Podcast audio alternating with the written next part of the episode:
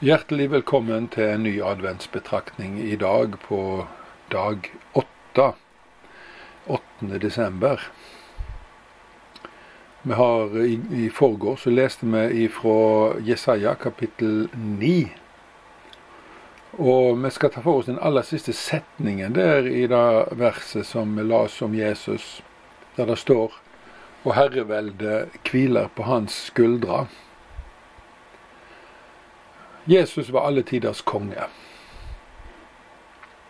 Det var gjeterne på Betlehemsmarkene som var de første i verdenshistorien som fikk høre juleevangeliet. Og engel forkynte I dag er det født dere en frelser i Davidsbyen Betlehem.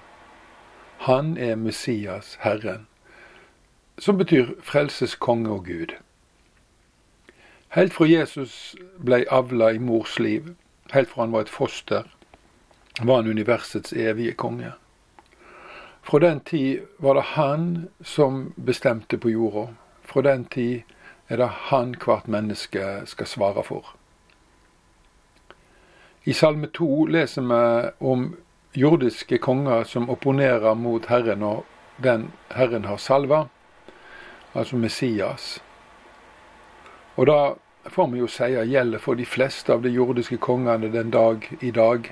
Det er få av de som spør etter Herren hva Herren vil. Og det er lite klokt. Salmisten, det er vel kong David som skriver salme 2, skriver at de bør at kongene bør ta forstanden fatt og bøye seg for den store kongen. Lyde, tilbe, tjene Han. Dersom Gud har et budskap til statsministre, presidenter og konger, så er det dette bøy dere for Herren tilbe han og kyss skjelvende støvet for hans føtter. Dere er hans tjenere, dere er forvaltere, dere er vikarer.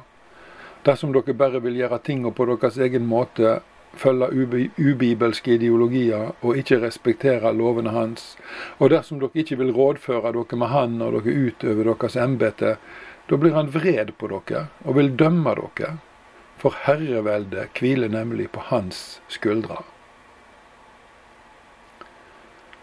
Men dette gjelder jo faktisk for alle mennesker. Alle er underlagt Gud. Alle må vende om til Han, tilbe og lyde Han om de vil leve rett og være en del av Hans evige rike. Men Jesus er herre også over alt som vil herje med oss og rive oss ned. Sjukdommer, demoner, mektige djevelske krefter og fyrster som retter sitt skyts mot den enkelte av oss.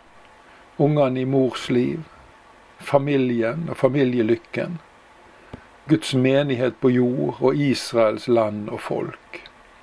Alt som er etablert av Gud, raser og kriger djevel mot.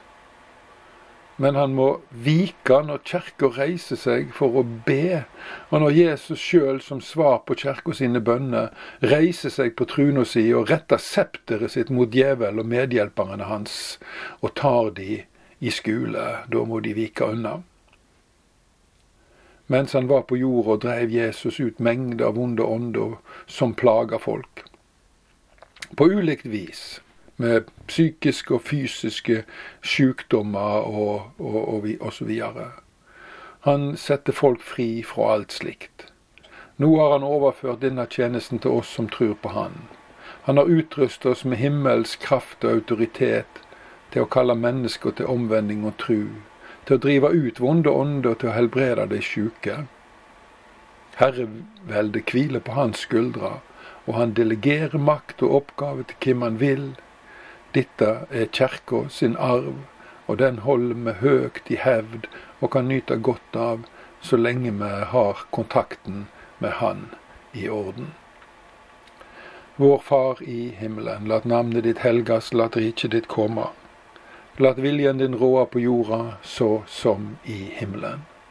Gi oss i dag vårt daglige brød, og tilgi oss vår skyld som vi òg tilgir våre skyldnere, og lat oss ikke komme i freisting, men frels oss fra det vonde, for riket er ditt, og makta og æra i all eva.